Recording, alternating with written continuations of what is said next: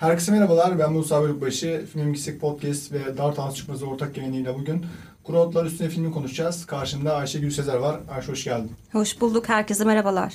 Bugün bizim ikimizin de podcast'in ilk bölümü, sezonun ilk açılışı aslında bu program. Ee, istedik ki Kuru üstüne ile açalım çünkü bu film hakkında konuşulacak çok fazla şey var. İlerleyen günlerde de hem çok fazla YouTube yayın hem de çok fazla üzerine yazı yazılacak. Biz de böyle düşündük ve podcastlerin her ikisini de böyle açmak istedik. Ee, ben filmi genel olarak beğendim. İstersen bir küçük açılış yapayım ben sonra topu sana atayım. Ee, biraz önce dediğim gibi filmi ben genel olarak beğendim ama sonunda söyleyeceğimi ilk başta söylemek istiyorum ben. Çerçeveler, kurgu ve kamera hareketleri tam olarak Nuri Ceylan filmi değil aslında. Filmin tek defolu noktaları o aslında. Yeni bir şey denediğini söylüyor Nuri Ceylan. Burada da zaten Gökhan Tiryaki ile çalışmıyor eski görüntü yönetmeniyle. Sanıyorum biraz ondan kaynaklı görüntüler, kurgu ve kamera hareketleri beni çok tatmin etmedi. Onun haricinde hikaye tam bir roman gibi, roman okumuş hissi veriyor insana. Ee, insanın bütün karanlık yönlerini iyi içeriyor aslında film. Karakterini daha yakından baktığı ilk filmi belki de bu. Mayıs sıkıntısında da uzakta da çok yakından bakıyordu karakterine ama burada biraz daha e, yakından bakıyor. Yani karakterine özdeşleştikler kurma bakımından Mayıs sıkıntısına e, ideallerini gerçekleştirmem anlamında da e, biraz uzağa benziyor. Onun için e, farklı farklı filmler arasında referanslar da veriyor. İlerleyen dakikalarda farklı filmlerden de bahsedeceğim. Böyle bir giriş yapmış olayım. Topu sana atayım. Ee, şuna çok doğru değindin. Şöyle evet tam bir Nuri Bilge Ceylan filmi değil demeyelim ama alışkın olduğumuz bir Nuri Bilge Ceylan filmi değil. Neden diye sorarsan bana hiç olmadığı kadar politik geldi bu defa Nuri Bilge. Evet. İkincisi de hiç karşılaşmadığımız kadar mizah unsurlarıyla karşılaşıyoruz burada daha önce Nuri Bilge filmlerinde. Ama evet bir de şöyle bir şey var. Karanlık karakterlerden bahsettin. O karanlıklığı da yani filmin kendisi çok karanlık. Hatta en karanlık Nuri Bilge filmi olabilir bana kalırsa. Ve o karanlıkta da şöyle bir yansıma oluşturuyor. Kar manzaraları var. Doğudayız zaten. O beyazlığın içinde, o aydınlığın içinde bir karanlığa sokuyor bizi. Hı hı. Bu bana çok etkileyici gelmişti ve izleme açısından da bir işte beyaz kar görüntüleri ondan sonra iç mekanlarda sürekli karanlık bir atmosfer izleme açısından yoruyor ve karakterlerin o içine düştüğü buhranı da karamsarlığı da bizi o kadar derinden hissettiriyor ki. Yani zaten onu hem şey kara gömülmüş bir taşla hem de e, küçük küçük mekanlar klasik ele, zaten. Elektriğin olmadığı o aydınlatma ışığıyla aydınlatılmış mekanlar bunlar bize çok fazla e, o eti yaratıyor. Aralara giren fotoğraflar çok tatlıydı bence. Evet evet o freeze frame'ler. Sergisiz olmuştu tabii, İstanbul tabii. Modern'de. Evet. Gitmiş miydin? Ben gidememiştim ya kaçırdım. Çok, çok böyle gideceğim gideceğim dedim. Bir türlü gidemedim. Fırsat olmadı. Filmde görmüş olduk bir kısmını. Yani evet o freeze frame'lerle bizi o karakterlerle bir süre böyle baş başa bırakıyor ya. Hani bir ona bir nefes alma arası mı diyeyim, bir mola mı diyeyim ya da bir yandan daha çok mu yoran bir şeydi. Tam bunların ayrımını yapamadım ben. Yani çok bilmiyorum ya güzel şeylerdi. Sen sergi gezmişsin daha iyi biliyorsun da. Ben filmden gördüğüm kadarıyla çok enfes şeylerdi. Yani çerçeveleri, görüntü, görüntüyü çok beğenmediğimi söyledim ben. Ee, o yüzden biraz da belki burayı biraz destekliyor. Destekleyen bir yapısı vardı. Genel olarak böyleydi. Ben hikayeye dönmek istiyorum tekrar. Ee, bu filme şey diyebiliriz sanıyorum Ayşe. İdealistlerin filmi. Yani ideali olan insanların, ideallerini gerçekleştirememiş insanların filmi biraz da. Ben kendimi çok fazla gördüm. Hatta bizim sektörde olan insanların daha çok e, ilgilendiği, daha çok e, vakıf olduğu konular olduğu için tam olarak aslında bizim sektöründe olan insanların filmi bu. Bir de ben burada şeyi gördüm. Biraz önce söylediğim gibi farklı filmlere referans veriyor bu film. Ahlat Ağacı'ndaki Sinan'ın henüz yorulmamış hali gibi Samet. Yani hala evet, idealde evet. devam ediyor. Bir şeyleri evet. hala çabalıyor ve bir şeylerden umut duyuyor hala. Ama Samet bırakmış her şeyi ve resim öğretmeni ama resim, resim yapmayı da bırakmış. Artık daha hazırcı, tırnak için daha hazırcı olduğu için sadece fotoğraf çekiyor. Fotoğraf da çok az çekiyor zaten. E, bizim o aralarda gördüğümüz fotoğrafları zaten Samet'in Samet'in fotoğrafları. Yani bana kalırsa ona hızırcılık demeyelim de aslında Nuri Bilge Ceylan bence fotoğrafçılığa bir özlem duyuyor olabilir ve onu da o karakter üzerinden anlatmaya çalışmış olabilir diye yorumladım ben. Bu Nuri Bilge Ceylan filmlerindeki devamlılık ilişkisine biraz değinmek istiyorum. Sen o Sinan karakteriyle çünkü benzerliğinden bahsettin ya. Şöyle Nuri Bilge filmlerini aslında bir bütün olarak okumak gerekiyor. Hepsi kendi arasında, evet. kendi içinde bir devamlılık barındırıyor. Dediğin gibi Sinan atanamayan bir öğretmendi. Atanmayı hayal ediyordu. Burada da işte atanmış bir öğretmeni görüyoruz. Halbuki atandıktan sonra da hayatı yine istediği gibi olmuyor. Yani aslında bir iç huzursuzluğun varsa Nuri Bilge'nin de dediği gibi nereye gidersen git. İnsan aynı insan. O seninle geliyor ve işte insanlar her yerde aynı insanlar. Çanakkale'nin bir köyünde de Erzurum'un bir köyünde de. Belli ayrışılan noktaları olacaktır ama günün sonunda hep aynı yere geliyoruz. Hep farklı bir şey arayışı, hep bir anlam arayışı, hep bir boşluktan kurtulma çabası. Yani bu anlamı arayım, arayışını sonuçlandırdığımız sürece de belki de hayat bitiyor. Çünkü insan meraklı bir varlık. Yani hayat sürdüğü sürece o arayış bitmemeli zaten. Kesinlikle. Ama bu e, Samet'te bu merak unsuru yok olmuş aslında ve bu yorgunluğun haliyle de beraber bir bireyci olmuş. Yani toplumculuktan tamamen sıyrılmış. Zaten ile olan sohbetinde de bunu görebiliyoruz. Ve tırnak içinde bir bireyci liberal bir noktaya evrilmiş durumda. Ben onu yok olma olarak değil de biraz aslında bastırılma olarak okuyorum. Çünkü hala içinde bir yerde de bir şey var. Ama o masa sahnesine değindin ya. O benim çok ilgimi çekmişti. Ben yani ben değil hani biz diyeyim ikimiz de aslında çünkü beraber izledik filmi. O diyaloğun başlarında evet hepimiz masanın orta yerinde duruyorduk. Sonra pimpon topu gibi gittik geldik gittik geldik. Ama ben her zaman Nuray'a biraz daha yakınım. Beni biliyorsun zaten. Evet biliyorum. Ya çok ilginç bir şeydir. O diyaloğun sonunda ben Samet'e biraz daha kaydım böyle. Sen en son kendini nerede buldun? Ben de ortadaydım açıkçası. Hem ne Nuray'a ne de şeye yakındım. Samet'e yakındım ama e, ben Nuray'a daha yakınım ya. Ben bireyci, yani bireyci olduğunu düşünüyorum ama Samet'in her şeyi umursamaz, umursamamazlığı, çevresindeki olan her şeye karşı bu kadar duyarsız olmasını ben hazmedemiyorum. Son seçimlerden sonra ben de Samet'e dönüştüm. Evet şu an belki Samet gibi biri olabilir ama hayatım boyunca kendimi hiç Samet'in yanına yaklaştırmadım. Öyle bir insan olduğunu düşünmüyorum. Daha çok Nuray'ın tarafında biraz daha yakın olduğunu düşünüyorum ben. Ya evet aslında şey Nuri Bilge şunu yapmış. Nuray'a yakın olanları Samet'e yaklaştırmış. Samet'e yakın olanları da birazcık Nuray'a yaklaştırmış değil mi? Ya bence Çünkü orada griler ve siyahlar yok ya. Şey pardon beyazlar ve siyahlar ya yok. çok pardon yalnız şunu bir Pardon. çizeceğim. O yaklaştırma dediğimiz şey hani şey yüzde kırka yüzde altmış falan böyle. Yine pimpon topu gibi gidip gelmeler ve ortada buluşmalar yine devam ediyor. Ama dediğim gibi insanlar da bir şeyleri değiştirmeye çalışmış ve devamlılıktan bahsetmiştim ya. Nuri Bilge filmlerinde aslında hep masa metaforu vardır böyle. O masalarda benzer şeyler yapılır. Ahlat Ağacı'nda da işte Sinan'la imamın o konuşması olsun. Ya şey bir zamanlar Anadolu'da bile muhtarın olduğu masada biraz muhtar gibi düşünmeye başlamıyor muyuz? Ee, bir de şey var. Samet'in bu istediği de kibri yani çok fazla konuşuyor. Samet'in kibri, Samet'in bu üstenci bakış açısı. Bu zaten kasabada çok böyle e, kendini hissettiriyor. Öğretmenlere de yukarıdan bakıyor, öğrencilere de yukarıdan bakıyor. Aslında öğrencilere yukarıdan bakmasını bir yerde anlıyorsun. Çünkü onlar şeyler biraz daha tırnak içinde cahil ailelerinin henüz cahil olamamış çocukları gibi diyebiliriz belki. Potansiyel cahiller. Evet, belki de Samet'in gözünden öyle görüyor olabiliriz ama öğretmen arkadaşlarına bile aslında yukarıdan bakıyor ve bu e, kibir haliyle mutsuzluğu da derinleşiyor ve kendini sürekli oradan atmaya çalışıyor. Oradan gidecek ve İstanbul'a atacak kendini. Aslında içindeki o karamsarlık, o pesimistlik o kadar büyümüş durumda ki kendisini İstanbul'a atsa bile o şey mutsuzluk devam edecek. Çünkü nereye gitse içindeki taşıdığı karanlık kendini takip ediyor. Yani bu çok acı bir şey. Nereye gitse e, kendini mutlu, mutlu edeceğini sanıyorum. Nuri Bilge'nin basın toplantısında söylediği şey. Yani bir insan nerede değilse orada olacağını düşündüğünde mutlu olacak sanır kendini. Öyle bir durum yok aslında. Mesela sen de ben de şu an belki de yurt dışına gitmeyi planlıyoruz. Mutlu olacağımızı düşünüyoruz. Olacak mıyız? Yani olacağımızı düşünerek gitmek istiyoruz. Belki de olamayacağız. Belki de mutsuzluğumuz mesela biraz hepimiz Samitiz ya bunun için. Yani hepimiz Türkiye'de olduğumuz için mutsuz olduğumuzu Bir sanıyoruz. dakika seni yakaladım Nuray'a daha yakınım demiştin. Hepimiz Samet'iz dedin. Yani şöyle bir şey. Ben sana onun için lafını bölmüşüm ya biraz önce. Beyazlar ve siyahlar yok. Griler var burada. Nuri Bilge şey yapmıyor yani. Bir karakteri ne tam kötü ne de tam iyi yap, yapmaya çalışıyor. Onun için Nuray'dan da etkiler taşıyoruz. Samet'ten de etkiler taşıyoruz. Ama şu an bütün muhalifler olarak Samet'e çok daha yakınız. Çünkü hepimiz Türkiye'ye gitmek istiyoruz. Ve mutsuzluğumuzu sebep olarak Türkiye'ye bağlıyoruz. Belki biz Samet değiliz ama Türkiye'nin hali düşününce biraz belki de mutlu olacağız. Samet'e göre bir nebze daha şeyiz. O kadar pesimist değiliz. Ama dediğim gibi burası biraz girdap gibi. Bu konudan çıkamam ben. tabii tabii ya şey daha mutlu olma isteğinden ziyade daha ne kadar mutsuz olabiliriz ki? O gözünü gözünü karartmışlık var ya böyle. Hı hı. Daha ne olabilir ki hani? Burada aklına şey gelmiyor mu Ayşe? Ee, Zeki Demirkubuz'un bir sözü var. Ee, hiçbir şeyin artık istediğim gibi olmayacağını biliyor ve Hı hı. artık bundan mutluluk duymuyorum. Hı hı. Yani Samet'in şeyi de bu aslında. Benzer bir çok benzer bir şey. Yani hiçbir şeyin artık daha düzgün olacağını düşünmüyor Samet ve artık bundan da şey duymuyor.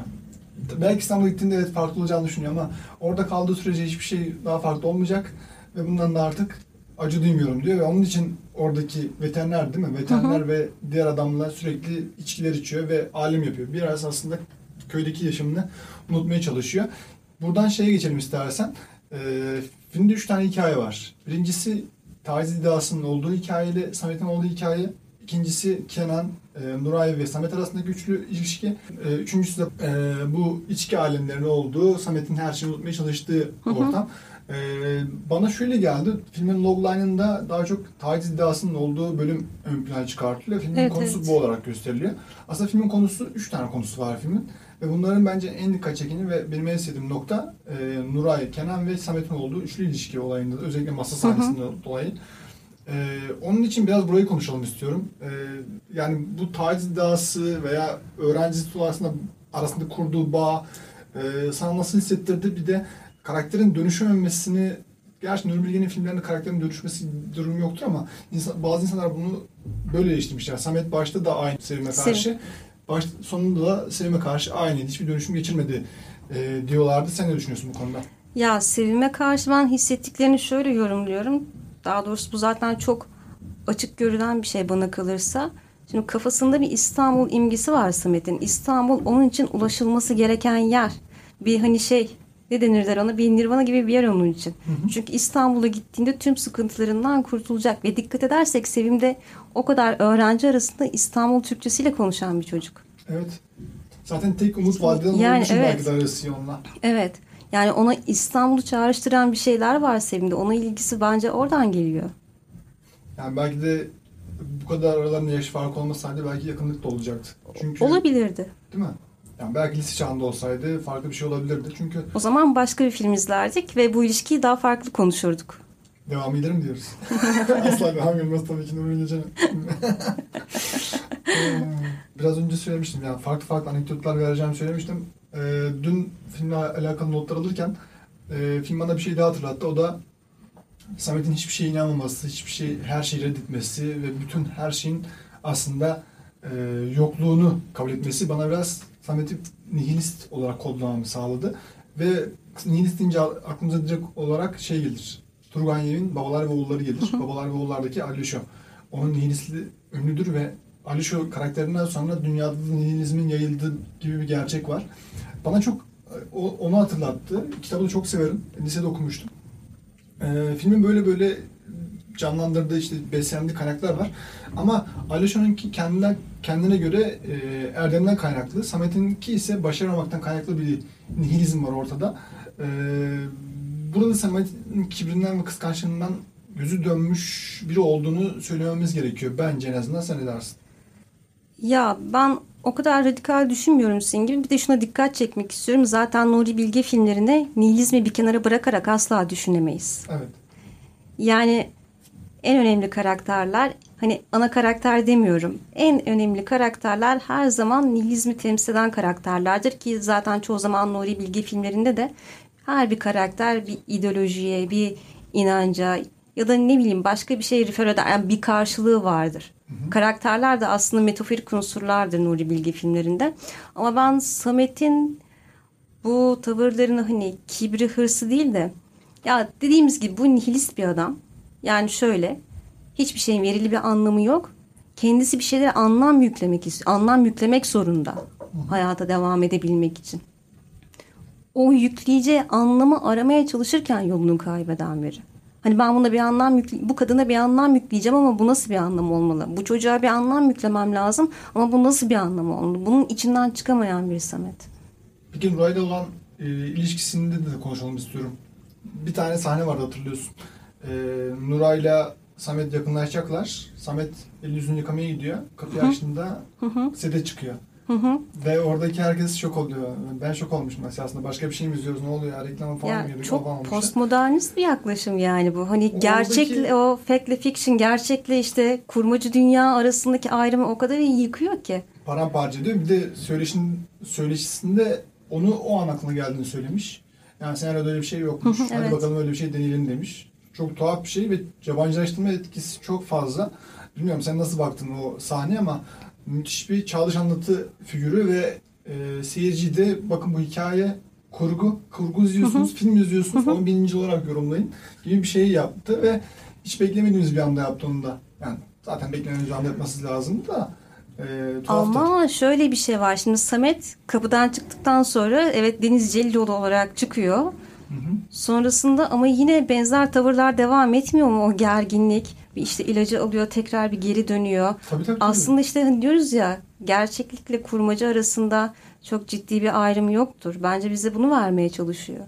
Kesinlikle katılıyorum. Ee, yani Nuri Bilge Ceylan'ın böylesi bir şeyi de sanıyorum ilk defa oldu. İlk kez, ilk kez. İlk defa böyle bir şey denedi. Hocanın zaten bayağı değişmiş ya.